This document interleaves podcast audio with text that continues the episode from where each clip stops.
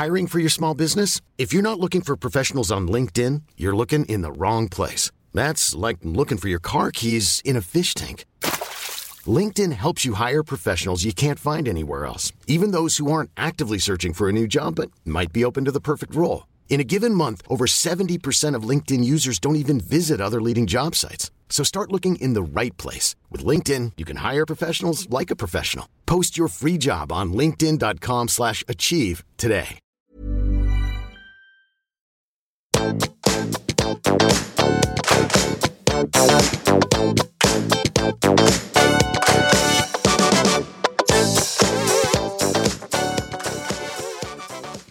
alle sammen, og velkommen tilbake til podkasten Karriereveiledning med Elaine. Det dere ikke veit, men som jeg veit, er at jeg og Jørn vi prøver nå på tredje forsøket å få til en ordentlig podkast for dere som skal handle om avgangsintervju. Og jeg har med meg min kloke, eh, rause, smarte, kunnskapsrike, rare, emosjonelle og herlige tidligere kollega. Nå jobber han som leder, eh, og blant annet er masse med karriereveiledning. Altså, du har masse med karriereveiledning å gjøre. Velkommen, Jørn, til denne podkasten. Tusen takk, Elaine, og takk for at jeg får være her. Jo, det er bare hyggelig. Nå har vi jo prøvd tre ganger, for teknikken har svikta, så nå krysser vi fingre og tær eh, for at dette funker. Men du, før vi setter i gang, kan ikke du gi folk en liten sånn hva skal vi si, lite innblikk i din karrierereise? Fordi det jeg lurer på, er visste du for 20 år siden at det var akkurat dette du skulle drive med? Nei, og det morsomme var jo at jeg skulle fortelle om det sist, så bestemte rett og slett teknologien seg for at det var en så kjedelig historie at de bare kutta meg ut. Eh, nei da. Eh, nei, vet du hva, jeg visste ikke egentlig hva karriereveiledning var før jeg begynte med det. Det er jo et ganske nytt fag eh, i seg selv, og jeg snubla litt inn i det. Men jeg bestemte meg for at det var det jeg skulle bli god i. For her møtte det både kompetansen min, egenskapene mine, holdningene, verdiene mine møttes veldig fint i den jobben her. Så her har jeg fått bruk for mye av det som jeg liker å gjøre, og, den, og det er jeg god på også. Så det er grunnen til at jeg havnet i karriereveiledning. Og det har vært en reise. Det har det, og, og både jeg og du, jeg har flippa burgere på en kiosk, og du har også jobba som servitør. Så vi har, jo, vi har, jo, gjort en del andre ting også før på en måte kursen blei staka ut. Og jeg tror det vi ser vi har jo jobba med flerfoldig 1000 mennesker til sammen, pluss, pluss, pluss. Vi har vel over 20 års erfaring, bare 20 års erfaring til sammen med karriereveiledning. Og det vi ser, er at det er nesten ingen som har hatt en lineær karrierereise hvor A går til B. Det har vært eh, mye opp og ned og bomtur og bort og høyre og venstre og everything.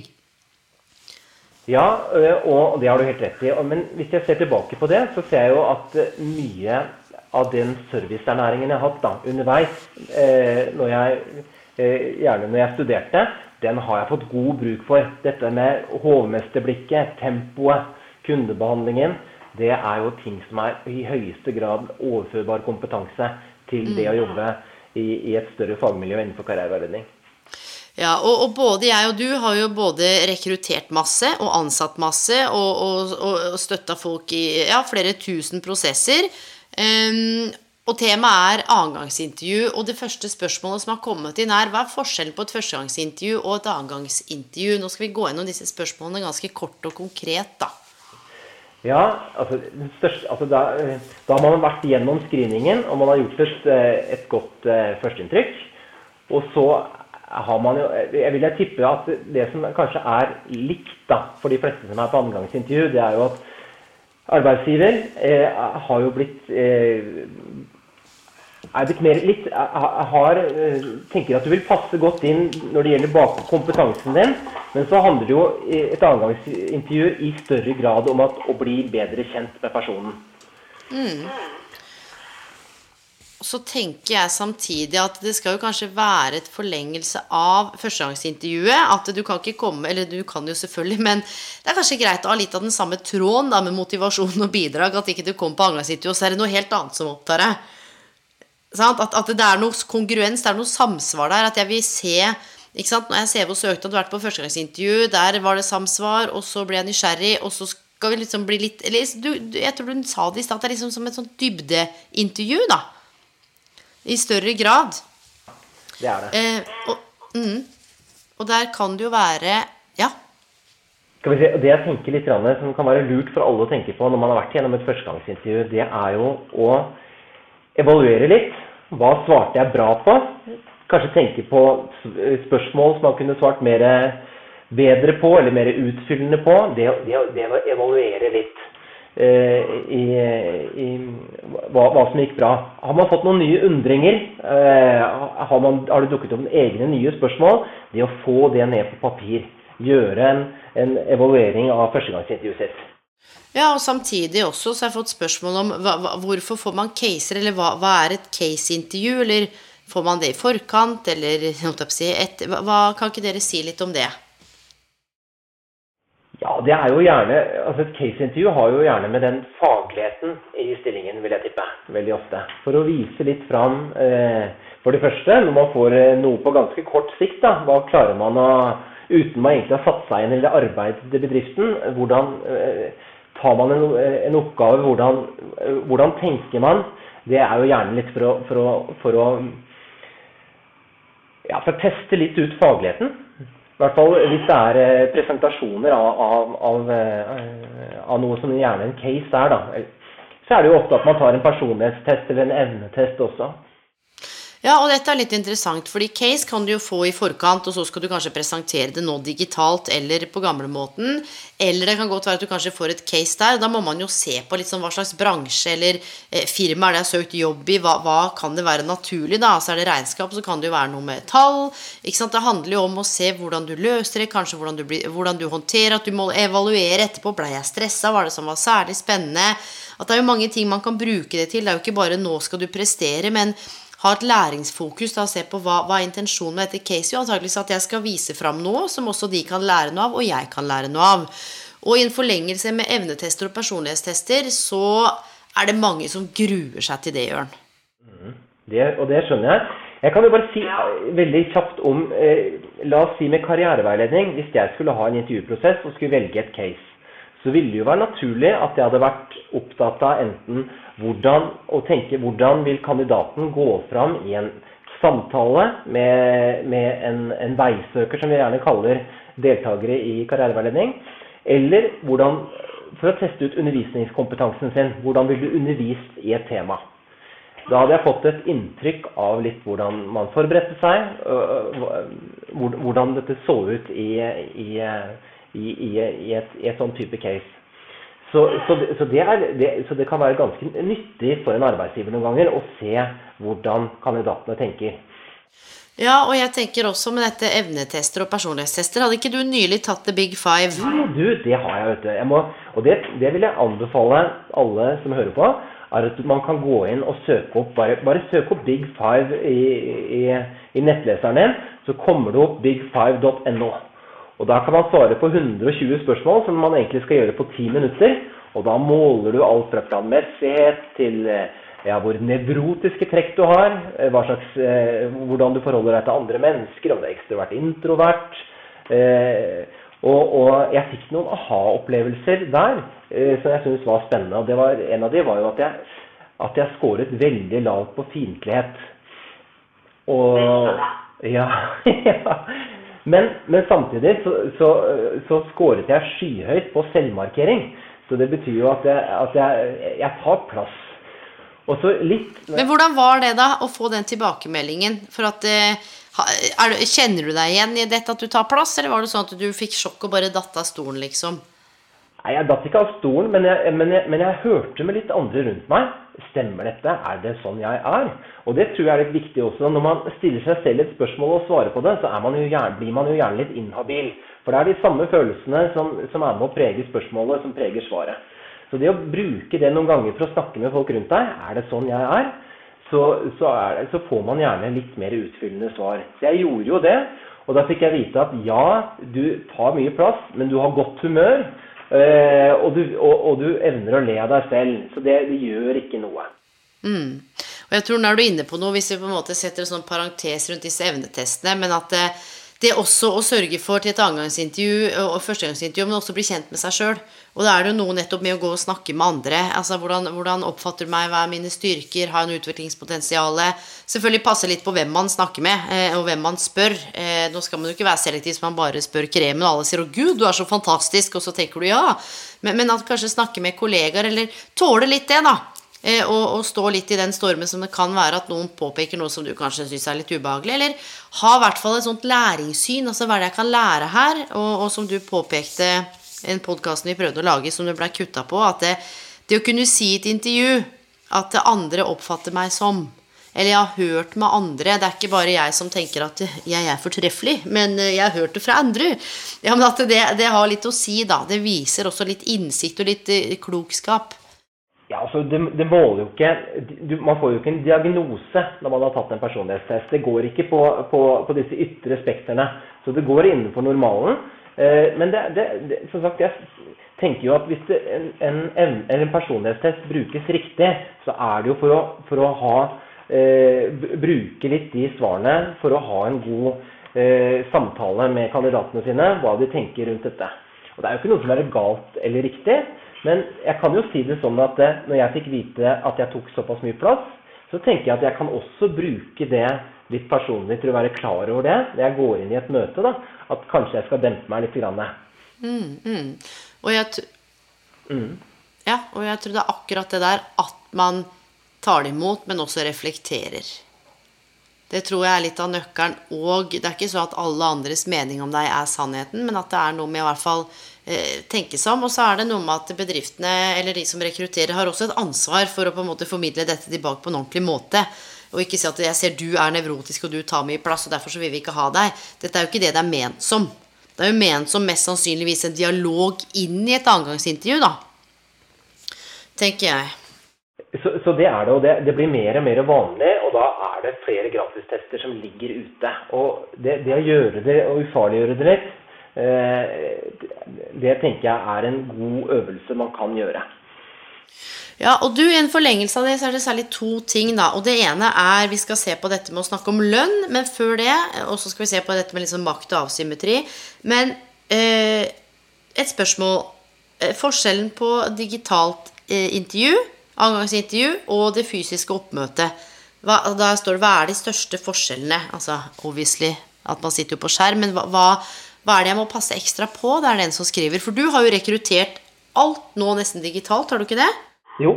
Eh, det hender at hvis jeg har hatt et godt, første, eh, har hatt et godt førstegangsintervju i digitale, så skal vi avtale å møtes. Men eh, jeg har gjort mange intervjuprosesser nå i det digitale. Jeg tenker La oss si du skal presentere en case, og du skal møtes på Teams eller Google Meet eller, eller hvilken plattform du skal gjøre det på, så er det å teste ut eh, teknologien i forkant, det digitale. Eh, gjør det noen ganger for deg selv. Test stemmen din. Eh, det kan være greit å tenke på å, å ha en ålreit bakgrunn, så du kommer i fokus. Eh, det er litt andre ting, litt visuelle ting, hvor du sitter enn at det ikke er mye støy der. Eh, at du har muligheten å koble på høretelefoner. altså det, er, det, det, å forberede seg der. Det fine med å ha et intervju i det digitale, er jo at du kan ha alle mulige hjelpemidler liggende foran datamaskinen din. Du kan ha CV-en din, du kan ha notatene dine, og det ville ikke synes. Ha, eh, så, så, det er jo en fin ting i, i så måte. Det som kan være litt lurt å tenke på, det er å få opp skjermen sin litt så man sitter naturlig. Putt gjerne noe under laptopen, så man ikke sitter og på en måte bøyer seg over skjermen når man skal si noe. Og, og eh, det tenker jeg kan være greit, at man sitter naturlig. Og sitt litt unna, for da kan man få kjempehender. Eh, så da kan du få fram kroppsspråk allikevel. Ja, og så tror jeg det er noe, ikke sant, i og med at man ikke ses Man ser jo litt av kroppsspråket, men igjen av dette med blikk. For jeg kjenner at jeg ser jo meg sjøl òg der, så jeg blir litt sånn opptatt av hvordan jeg ser ut. Så jeg prøver å, å se rett i kamera, men jeg sier jo ikke det. Jeg ser jo på deg. Eh, så det er noe med litt sånn selvfremstillende strategi. Man blir litt sånn opptatt av hvordan man ser ut sjøl, men det er noe med blikkontakt, kroppsspråk, og som du sier, passe på å liksom få understreka med kroppsspråket det du sier. Og så tenker jeg at eh, fysisk møte er jo superdeilig. Samtidig som der kan man jo også ha med CV og søknad, eller Jørn? Og en penn og papir. Det er ikke forbudt?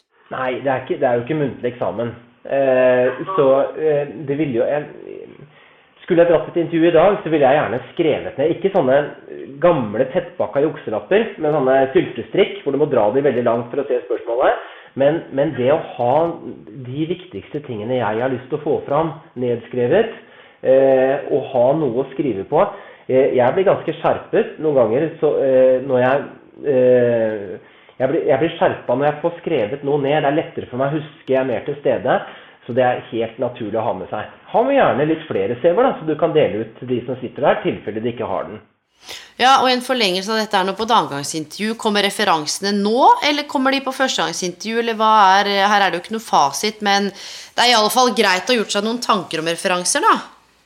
Jeg tenker at det er lurt å ha de med uansett. Det er jo vanlig at man sender det, men, eh, men å ha forberedt kan, eller referansene sine på at det kan komme en telefonsamtale, eller i hvert fall vite hvem de er, da, det tenker jeg er en grei ting å gjøre i forkant. Ja. Ja, og det er det ikke så mange som gjør. Så når det gjelder referanser, er det selvfølgelig å i hvert fall ha kanskje to referanser. Hvis man har det, som skal si noe om hvordan du har gjort, gjort, jobben. Og det er jo ikke alle som kan være referanser. ikke sant? Bestevenninna di og, og, moren din bør kanskje ikke stå høyest opp på den lista. Eh, men hvis det er en familiebedrift, så kanskje noen, kunne, noen må kunne si noe om jobben din. Eh, og samtidig så er det som du sier, at referansene må informeres om at de faktisk blir satt opp som referanser. Fordi å plutselig få en telefon som jeg har fått ut av det blå, hvor en jeg hadde ansvar for for fire år siden, har søkt seg ny jobb Jeg holdt på å besvime der jeg sto på Prix. Altså, så jeg måtte be vedkommende ringe opp igjen. Og samtidig så som man også enten printer ut eller gir noe fra seg fysisk. Da. Her er på en måte telefonnummer, stilling Ja. Gjør det litt referanser, ordentlig. Referanser har en veldig enkel oppgave. De skal snakke godt om deg. Så det, det, det sette, det, Man bør ta runden med referansesjekken og spørre de menneskene du har satt opp, hva kommer du til å si om meg? Og hva hvis det er ikke, så sier jeg at nei, jeg har ikke noe særlig å si, så hva gjør man da? Ja, det, det, er et godt spørsmål. Det, er, det, har jeg ikke sånn helt godt svar på. Men hvis det er noen som ikke kjenner deg, så tenker jeg hvorfor skal de være med på den referanselista da? Mm. Enten hvis det er noen som ikke kjenner deg, eller hvis det er noen hvor du har hatt en konflikt. Og hvis det har vært en konflikt der, så tenker jeg at da må man være den i forkant i intervjuet. Sant? Og si at eh, Da må man i hvert fall klare å, å, få satt ord på det, og si at derfor er ikke vedkommende referanse, eller kan gjerne ringe, men det blir ikke bra. Eh, det er noen ting man er nødt for å adressere, særlig et avgangsintervju. Så ikke det kommer noen Det verste jeg veit, er når det kommer noen sånne overraskelser. Altså, si det bare. Så får du det unna, men, men på en måte ikke si sånn Sjefen, han var jo helt eh, klin gæren. Da må man heller ta ansvar for narrativet da, og, og, og peke på hva man har gjort sjøl eller ikke kunne gjort, eller at det går på en selv. Nå senest hadde jeg en, en venn av meg som har vært i, i sikkert i, i ti angangsintervjuer nå i seks måneder. Og ikke kommet videre. Og så sa jeg du må ta en referansesjekk. Så jeg, jeg sier alltid eh, fine ting om deg, men det må være et sted det stopper. Og det viste seg at det var det. Og det er jo egentlig ganske dårlig gjort av folk som, som sier ja til å være referanse når det er bare for å ødelegge for folk, men ta allikevel og sjekk ut litt av det. Det er ganske vitalt, for da har du skapt et godt bilde av deg selv som gjør at de har lyst til å ansette deg. Så skal de ta siste sjekken med andre mennesker rundt. Og hvis det avviker veldig fra det du har sagt, så er det sjelden at det er positivt. Mm. Det, det, så det er sånn, Vi var ikke noe spørsmål, men jeg tenkte det var viktig. Men nå skal vi til det spørsmålet som vi skal bruke litt tid på, som det har kommet inn definitivt mest av, og det er lønn. Hvordan forbereder jeg meg til spørsmål om lønn? Skal jeg ta det opp? Hva skal jeg svare? Hva skal jeg ikke svare? Ja, you know. Jeg tenker at det ville jo være naturlig i en rekrutteringsprosess at arbeidsgiver ved en eller annen anledning kommer og presenterer de betingelsene man kan regne med å få. Så det første jeg vil si der, er å ha litt is i magen. Men hvis man er på annengangsintervju og man er ferdig med dette, så er det jo helt greit å spørre litt Jeg eh, er litt nysgjerrig på hva betingelsene er. Eh, det, det, tenker jeg er helt legitimt å ta opp. Men ta det opp som et spørsmål, og ikke som et krav, og ikke som et tall. Men det er kanskje bare å spørre om hva som er betingelsene. Ja, og hvert hvert fall hvis man er liksom på slutten av ja, var det noe du lurte på, dette er på en måte gått et andregangsintervju, det er ingen som har forespeila et tredjegangsintervju, så er det sånn Kanskje greit å vite, da. Eh, og det som du sier, altså, jeg er litt nysgjerrig på Kan jeg få lov til å si jeg er litt sånn nysgjerrig på hva er betingelsen, eller uh, tenker dere at det er noe vi skal snakke om nå, eller blir det en runde til? Det er jo litt uprofesjonelt. Nå skal jeg være helt ærlig. Sett at det er to intervjuer, da, første og andre, så syns jeg det er uprofesjonelt hvis ikke de som skal rekruttere, klarer å løfte fram det mot slutten. Det, jeg, det, det, er på en måte Ansvaret ligger ikke på den som blir intervjua til å si sånn Du, og så lurer jeg på lønn, jeg. Det bør ikke ligge på den som skuldra, men det gjør det noen ganger. Og spørsmålet kan jo komme til kandidatene hva forventer du i lønn? Yes, Og hva gjør man da? Da bare kliner man på så mange nuller man kan. Nei, nei man gjør jo ikke det. Nei, men for det er en som har sagt jeg er redd for å prise meg altså for lavt. Og jeg, det eneste jeg vil Hun har vært ute en stund. Og det eneste jeg vil, er Jeg ønsker meg virkelig den jobben her, og det er en realistisk lønn. Hva, hva gjør jeg for noe? Jeg tenker det er flere ting man kan Egentlig bør man spille ballen over igjen, mener jeg. Gi meg et tilbud så har vi noe å snakke om. Og får man et tilbud da, så har man full lov til å ha betenkningstid på det. Kan ikke jeg få lov til å se litt over det i ro og mak, og så kommer vi tilbake til det? Eh, du må ikke si ja eh, der og da. Men, men, det å be om å få et tilbud, eller be om å få tariff eller rettferdig lønn men, men formulere det som et spørsmål. Men hvis de spør deg hva tjente du i forrige jobb Ja, for jobb, det har skjedd mange ganger. Så må du bare være helt transparent og ærlig, for det er lett å sjekke. Eh. Og her tenker jeg at hvis du bytter bransje eller tar en jobb eller er på et intervju hvor du ikke kanskje er så kjent fra før, da, så kan du bruke ssb.no, Statistisk sentralbyrå, for der står det hva alle yrkene som forventa er å ha i lønn. Så det ligger lønna til en pedagog og lønna til en sykepleier. Og der kan du i hvert fall gå inn og gjøre deg noen tanker og forvente altså i hvert fall Minstelønn eller tariff kommer an på hva slags jobb det er. Men, men sånn som vi snakka om i stad, før det ble brutt og vi måtte ta opp tråden når det gjaldt dette her, så handler det om Altså Du forventer jo å få en, en, god nok lønn i forhold til jobben du har, eh, sammen med sant, din kunnskap og kompetanse og erfaring, eventuelt utdannelse, hva enn de har vektlagt. da. Men å begynne å ljuge og, liksom, å, å tøyse med hva du har tjent bare for å få høyere lønn, det avslører de. Og de ytterst få bedrifter, og vi har møtt mange mennesker i mange bransjer og selskap og bedrifter, er ute etter å lure folk. Det er tøysete hvis du rekrutterer inn 20 stykker, og den ene har tjent litt mindre enn den andre og sier det. også. ja, vær så god, her har du 100 000 mindre. Folk snakker sammen. Folk, altså De som rekrutterer, er jo ikke dumme. Så det er ingen som er ute etter å på en måte lure deg, men man er oppriktig ute etter å kanskje også skape seg noe forhandlingsrom. Men jeg kan jo bare ta et lite eksempel fra egen rekruttering nylig. Og det er jo at jeg har en psykologiprofessor som jeg har ansatt som karriereveileder. Men det er rett og slett to forskjellige kontekster. Så i denne konteksten som karriereveileder så er jo vedkommende ny. Og da eh, er det på en måte en nybegynnerlønn vedkommende eh, stiller med. Og det er litt viktig å vite at Når du har jobbet seks-syv kanskje år i en bedrift, og du er ferdig, så har du gjerne klatra litt. Du har vist deg over tid hva, hva, hva, hva, du har bidratt med. Men det er ikke alltid man begynner der man slutta. For da begynner man et nytt sted, og man må vise seg fram på nytt. Så eh, jeg har vært borte i, i situasjoner hvor, hvor, kandidater har vært misfornøyd med det tilbudet de har fått, men hvor vi har kommet fram til at en lur ting å si, det er er det mulig at vi kan se på betingelsene om seks måneder igjen, når dere har blitt kjent med meg, og se hva, hva, hva slags god jobb jeg kan gjøre for dere? Og, og, og de prosessene har jeg gjerne fulgt, og, og, det har gått veldig bra. Så alt har en begynnelse. Og, selv om det er et intervju, så det, vil jo gjerne eh, arbeidsgiver se i, i, det virkelige liv, da, virkelig arbeidsliv, hva man duger, eh, duger som. Ja, og ikke minst bli kjent, da. Og det er jo dette har vi sett også når vi har jobbet med de som har vært ute av arbeid en stund, at man kanskje hadde 600 000 i lønn for to og et halvt år siden. Det er ikke sikkert at man kan forvente å begynne der. Det er nettopp det du beskriver, at her må man Du starter ikke på bånn, det handler ikke om det, men her må man kanskje jobbe seg opp igjen. Og det kan være at det er ny kunnskap og kompetanse som skal oppdateres. Det kan være mange ting her.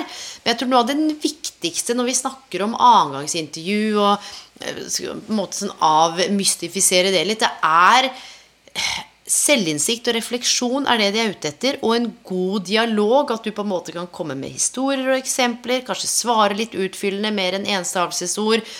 At du løser et case så godt du kan og prøver å ha en sånn læringsfokusert tilnærming mer enn å få helt noia av prestasjonene og frike ut.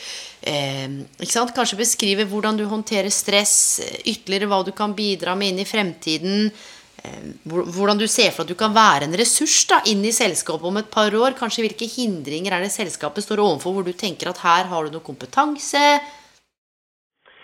Det er mange fokusområder her, og jeg tenker at i en intervjuprosess så er det viktig at man er mest mulig på arbeidsgivers eh, banehalvdel. For det er jo de som sitter og bestemmer og ekskluderer og, og, og inviterer. Eh, så det at du tenker på at de svarene man gir, skal ha verdi for de menneskene man snakker med. I, i den konteksten man er i. Eh, og, så jeg tror, det, det, er det viktigste man bør tenke på. Og, og, et godt råd jeg har fått av en arbeidsgiver her, er jo at når man skal snakke, snakk mer til stedet du ønsker deg til, altså de du snakker med der, enn stedet du reiser fra.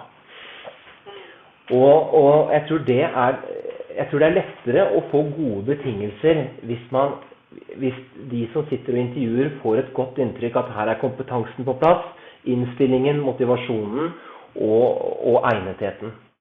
Ja, for dette har vi jo sett mange ganger, og vi har jo rekruttert begge to, eh, hvor vi også har sett på motivasjon, bidrag og holdninger mer enn karakterer av og til, eller tidligere prestasjoner. Men hvor, hvor, hva er det som gjør at du vil ha den jobben her? Hva er det du kan bidra med? Hva, hva er det som er, om ikke unikt med deg, men hva for arbeidsmiljøet? Altså, nå vil vi bli enda dypere kjent med deg som menneske. Er det noe du er stolt av? Er det noe du er lidenskapelig opptatt av? Hvilke konflikter er det du har stått i? Kan du utdype det litt? Du snakket om det sist. ikke sant? Eh, man prøver å fange opp tråden fra førstegangsintervju, men samtidig også få litt nye ting, da.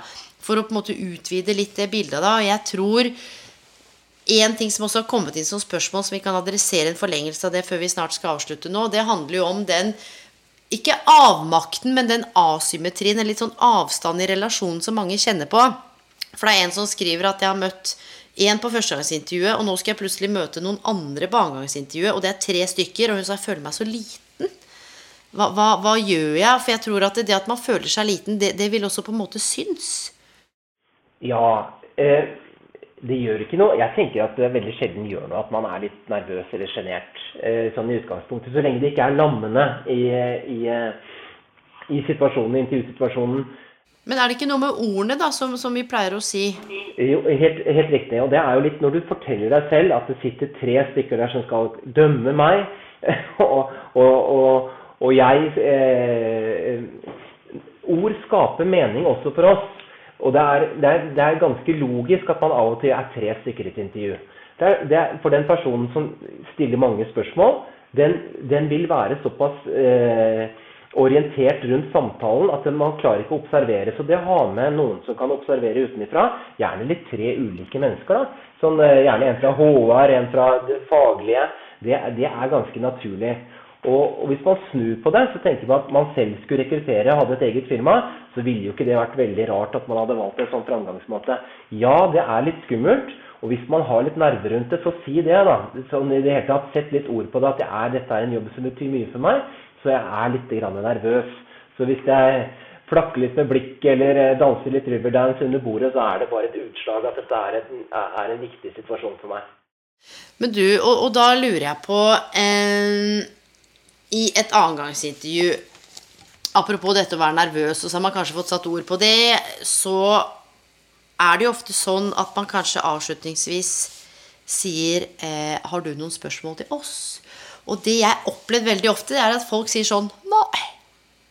Og så tenker jeg bare jeg hadde blitt så ufattelig glad jeg, hvis noen hadde sagt ja, vet du hva, det var en ting jeg stussa litt over. Eller det er noe som eh, spesielt på en måte vekka interessen min. Og det var det dere sa om at det var en nyoppstarta stilling, eller eh, dette med at dere skulle ekspandere, eller Kan ikke dere fortelle litt om det? Altså, hvorfor er det så få som stiller spørsmål? Kanskje man, det, det tror jeg handler med forberedelser. Og mye av det vi snakker om nå, handler om forberedelser. Yes, så når du skal komme på noe eh, der og da, så kan det jo hende at eh, etter at du har Man gir jo mye av seg selv. Man er litt kompa, kanskje. Ha, ha, det er en stressende situasjon å sitte og snakke om seg selv med tre relativt fremmede mennesker. Så jeg vil anbefale å skrive ned disse spørsmålene i forkant. Ja. Ha med det på den lappen sin. Hva er mine spørsmål? Man sitter i fred og ro Eh, og så kan det gjerne komme opp noen undringer underveis. Hvis det gjør det, så kan du jo både ta de spørsmålene isteden. Men ha noen spørsmål eh, skrevet ned i forkant. Ja, og, og gå gjennom stillingsannonsen på nytt. Selv om du har vært i førstegangsintervju, gå gjennom CV-en og søknaden din på nytt. Gå gjennom notatene du tok fra førstegangsintervju på nytt. Hva er det de særlig lurte på? Hvor er, det, hvor er det jeg kjente at her burde jeg svart mer utfyllende? Kan jeg hente mer informasjon om selskapets Er det noe skjedd på hjemmesiden? Er det en link til altså, Gjør research. Og jeg tror hele kjernen Vi kan snakke oss grønn, og jeg og Jørn vi kunne gitt dere de 23 mest vanlig stilte spørsmålene, men alt her handler om forberedelse og, og troa på at du er verdig denne jobben, at du fortjener denne jobben, at du har noe å bidra med. Og det er samtidig helt greit å være i andre prosesser.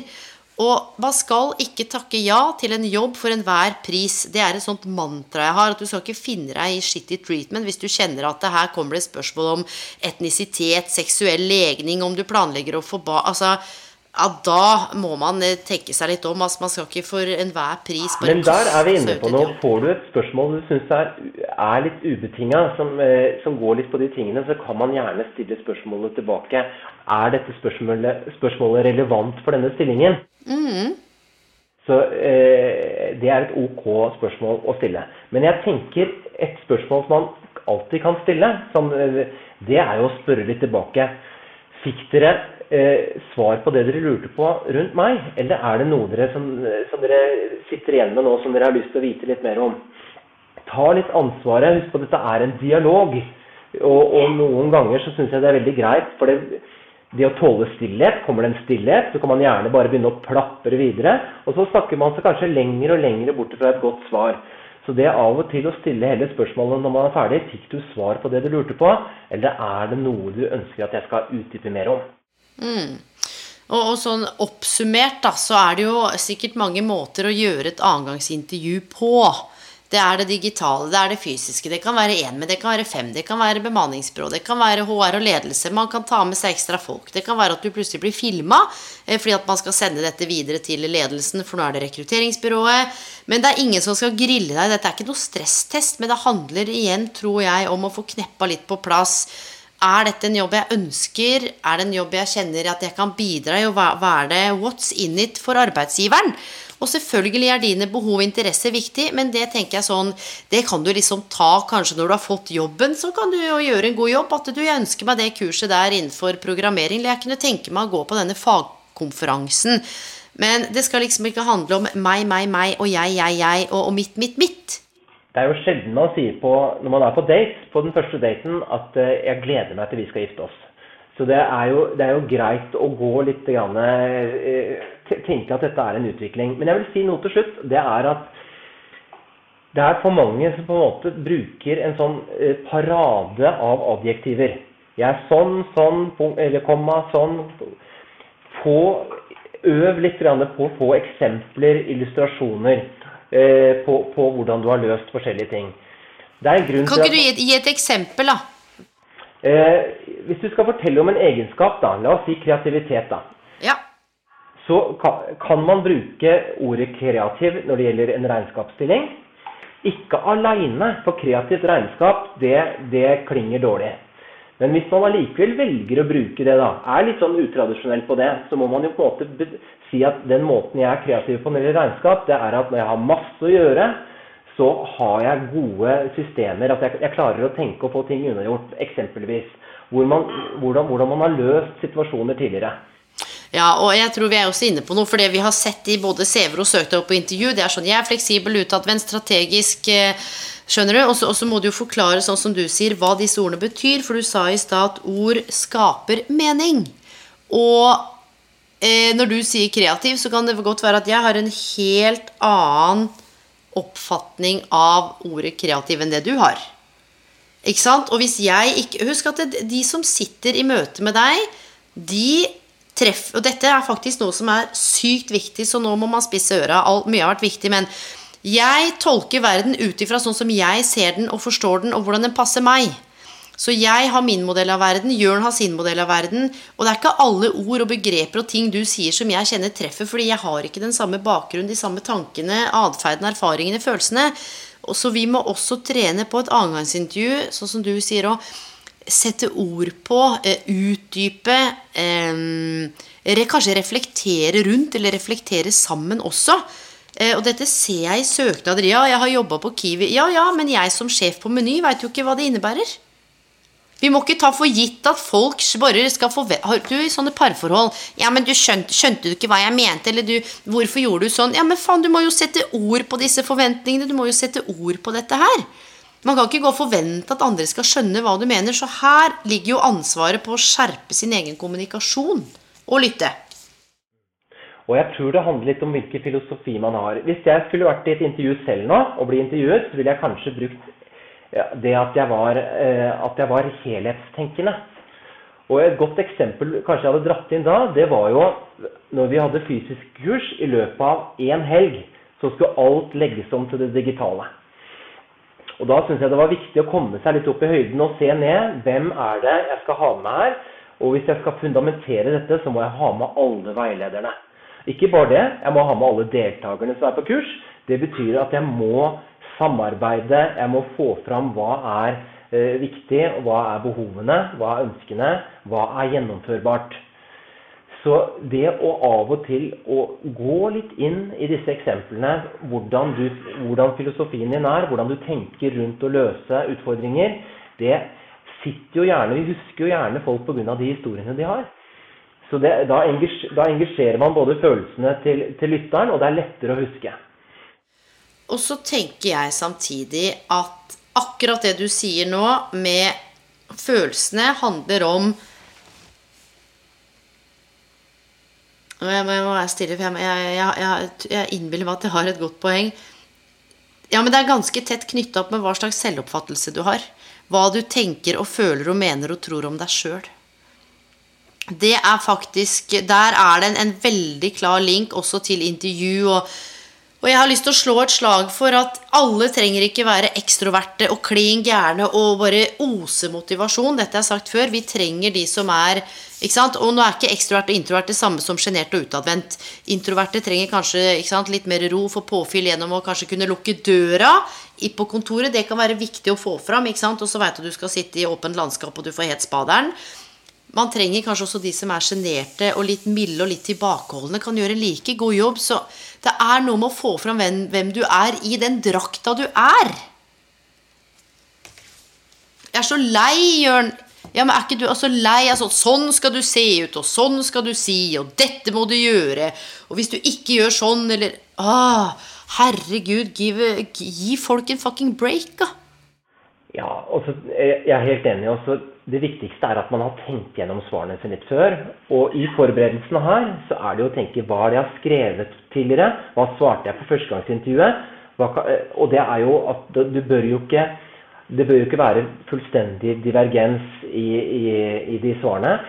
Så det er jo en del gjentagende i, etter hvert som man går gjennom prosessene sine. Det må man regne med. For, for det, det skal, altså, Et avslutningsspørsmål er hvorfor skal vi velge deg? Eh, eller det kan være et avslutningsspørsmål av mange avslutningsspørsmål, men da gjelder det på en måte at det skal være en sammenfatning av dette er viktig å tenke over, da, både førstegangsintervju. Hva er motivasjonen din? Hva er som gjør at du har søkt den stillingen? Bidragene dine, sterke sider. Ikke sant? Hvem er vi? At, at det, igjen den kongruensen. Da, at når du skal snakke om hvorfor de skal velge deg, så må det være en rød tråd med det du har svart. At ikke man begynner jo fordi jeg digger golf. Jeg så, du, ikke sant, Man er nødt for å ha fokus, og så ha på seg den rollen som regnskapsfører, eller som lege, eller som karriereveileder. Det er jo den rollen som møter rollen som intervjuer, ikke hvordan du ligger på Netflix og spiser potetgull med høyrehånda og holdt jeg på å si, vanne blomstene med venstre. Det kan godt ha inn noe personlig. Men jeg vil vite om deg i rollen. Så kan man jo ikke skille rollen og privatperson, men det er jo den som skal stå i panna karriere... Eller led, avdelingsleder Jørn Berge, det er jo du som skal inn i intervjuet for den direktørstillingen. Ikke, Jørn, ikke Jogge-Jørn som eh, ikke sant, skal løpe maraton. Men det kan også være relevant. Så helt sånn oppsummering avslutningsvis. Nå sitter det sykt mye folk som skal på avgangsintervjuer. Hva er dine tre beste tips eller råd eller refleksjoner nå som det virkelig er bare stang inn, som vi kan sende dem av gårde med, med selvtillit og selvfølelse bare Yes! Dette her, I got this. Jeg tenker at det handler om i første grad Eller første, første jeg vil komme med, det er forberedelser. Les igjennom søknaden din. Eh, evaluer førstegangsintervjuet ditt. Tenk over hva som gikk bra. Eh, forbered deg på at kanskje du må gå litt mer i dybden på deg selv. Eh, hva, og, og i, det, i det momentet der, det å være ærlig Får du spørsmål om svake sider, ikke si noe sånn flåsete. For det er nesten verre at noen på en måte gjemmer seg bak spørsmålene. Si noe du har jobbet med. En svak side er ikke noe permanent. Så det handler om i større grad på en måte å fortelle at du har innsikt, og at det er noe du har jobbet med. For det er summen av det du svarer, som, er, som man sitter igjen med. Summen av det inntrykket, ikke det enkelte svaret. Så det å forberede seg litt på det, så er det eh, å lese seg opp om hvem du skal møte. Det er, alltid, det er fint å være på date og si at jeg er glad i damer, eh, eller jeg er glad i menn, men det er veldig hyggelig at du kan si noe spesifikt til den personen du snakker med.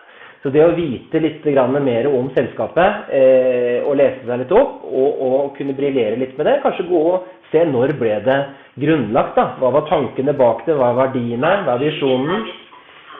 Det, og det å, å finne ut hvorfor du har lyst til å jobbe akkurat der. Og i en forlengelse av det også, nå kjenner jeg kommer inn i skjermen her, som vi snakka om i stad, for dette tenker jeg er viktig. Forberedelser, yes. Samtidig som du skal møte ett eller flere mennesker som det er ingen som helst mulighet for deg å kontrollere. Verken hva de tenker eller hva de kommer til å si. Så ta ansvar for å kontrollere det du kan. Det er hvordan du forbereder deg, hva du kler på deg, at du har spist godt, fått så, kanskje sovet godt, gått deg en god tur ringt noen som du veit heier på deg, og kjenner at, at dette fortjener jeg, at du bygger deg sjøl litt opp. Og så går du inn der, og så stoler du på at det er en grunn til at du er på et Det er en grunn til at du er der. Kompetansen, erfaringen. Nå skal du bare få lov til å fortelle dem om dette. Du skal ikke selge deg sjøl, alt det der jåleriet der. Det er sånn øh. Du skal bare få lov til å formidle i dialog med noen andre hvordan du kan løse de utfordringene de står overfor.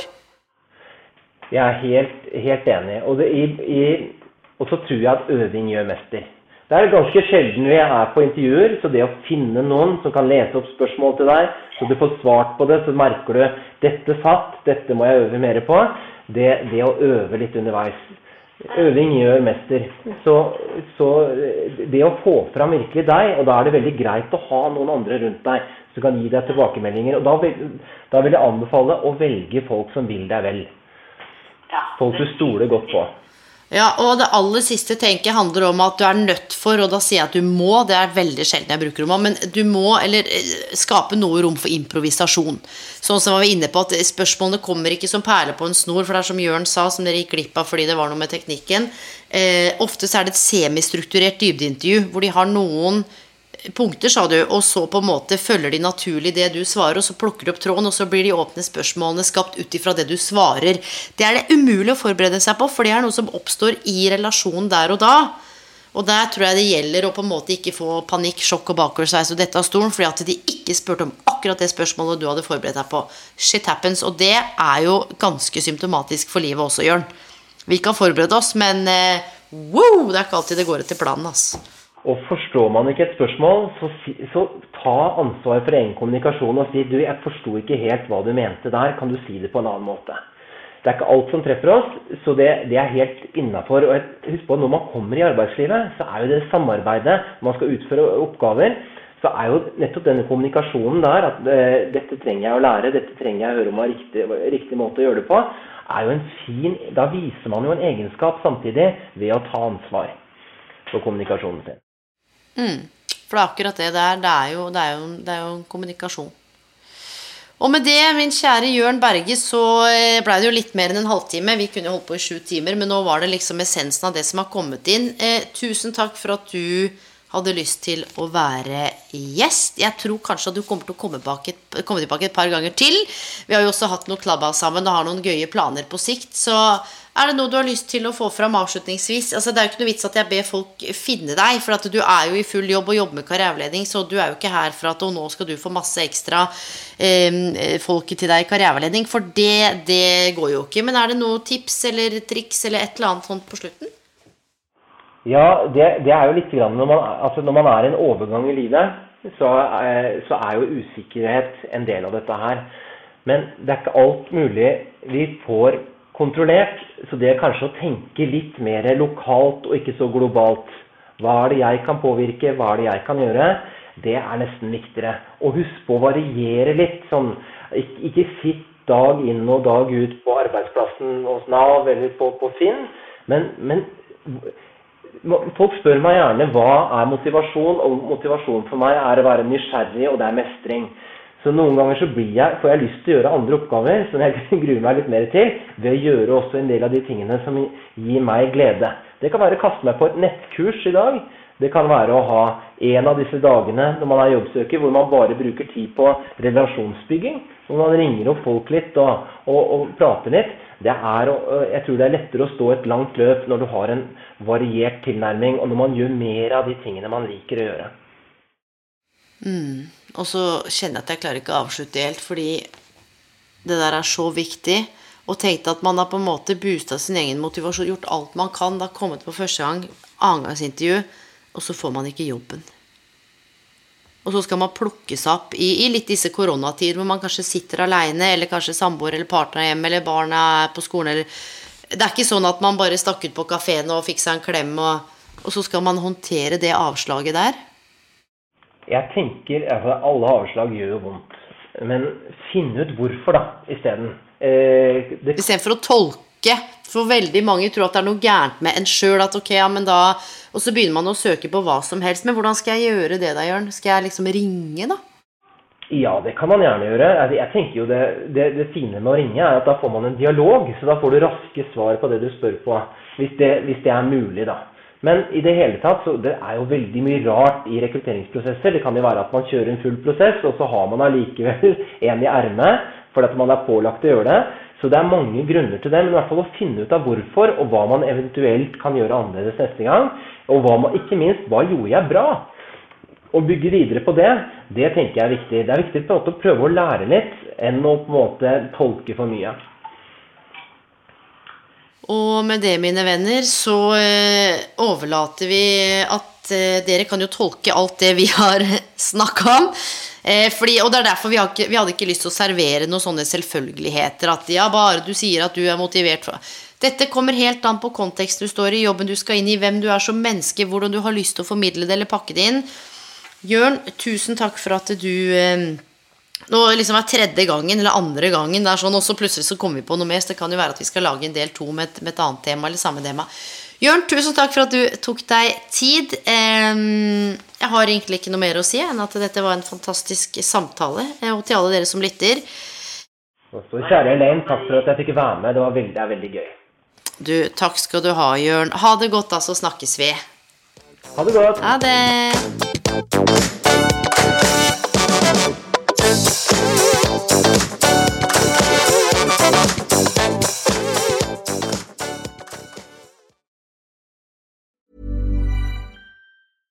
Ever catch yourself eating the same flavorless dinner three days in a row? Dreaming of something better? Well, HelloFresh is your guilt-free dream come true, baby. It's me, Kiki Palmer. Let's wake up those taste buds with hot, juicy pecan-crusted chicken or garlic butter shrimp scampi. Mm. Hello Fresh. Stop dreaming of all the delicious possibilities and dig in at HelloFresh.com. Let's get this dinner party started. My business used to be weighed down by the complexities of in person payments. Then, Tap to Pay on iPhone and Stripe came along and changed everything. With Tap to Pay on iPhone and Stripe, I streamlined my payment process effortlessly. Now I can accept in person, contactless payments right from my iPhone. No extra hardware required. What's truly remarkable is how I can cater to all of my customers' payment preferences. Whether they're using cards, Apple Pay, or other digital wallets, Tap to Pay on iPhone and Stripe ensure a smooth checkout experience every time. And it's not just me. Stripe helps businesses of all sizes, from local markets to global retailers, scale quickly and stay agile. To learn how Tap to Pay on iPhone and Stripe can help grow your revenue and reach, visit stripe.com/tapiphone.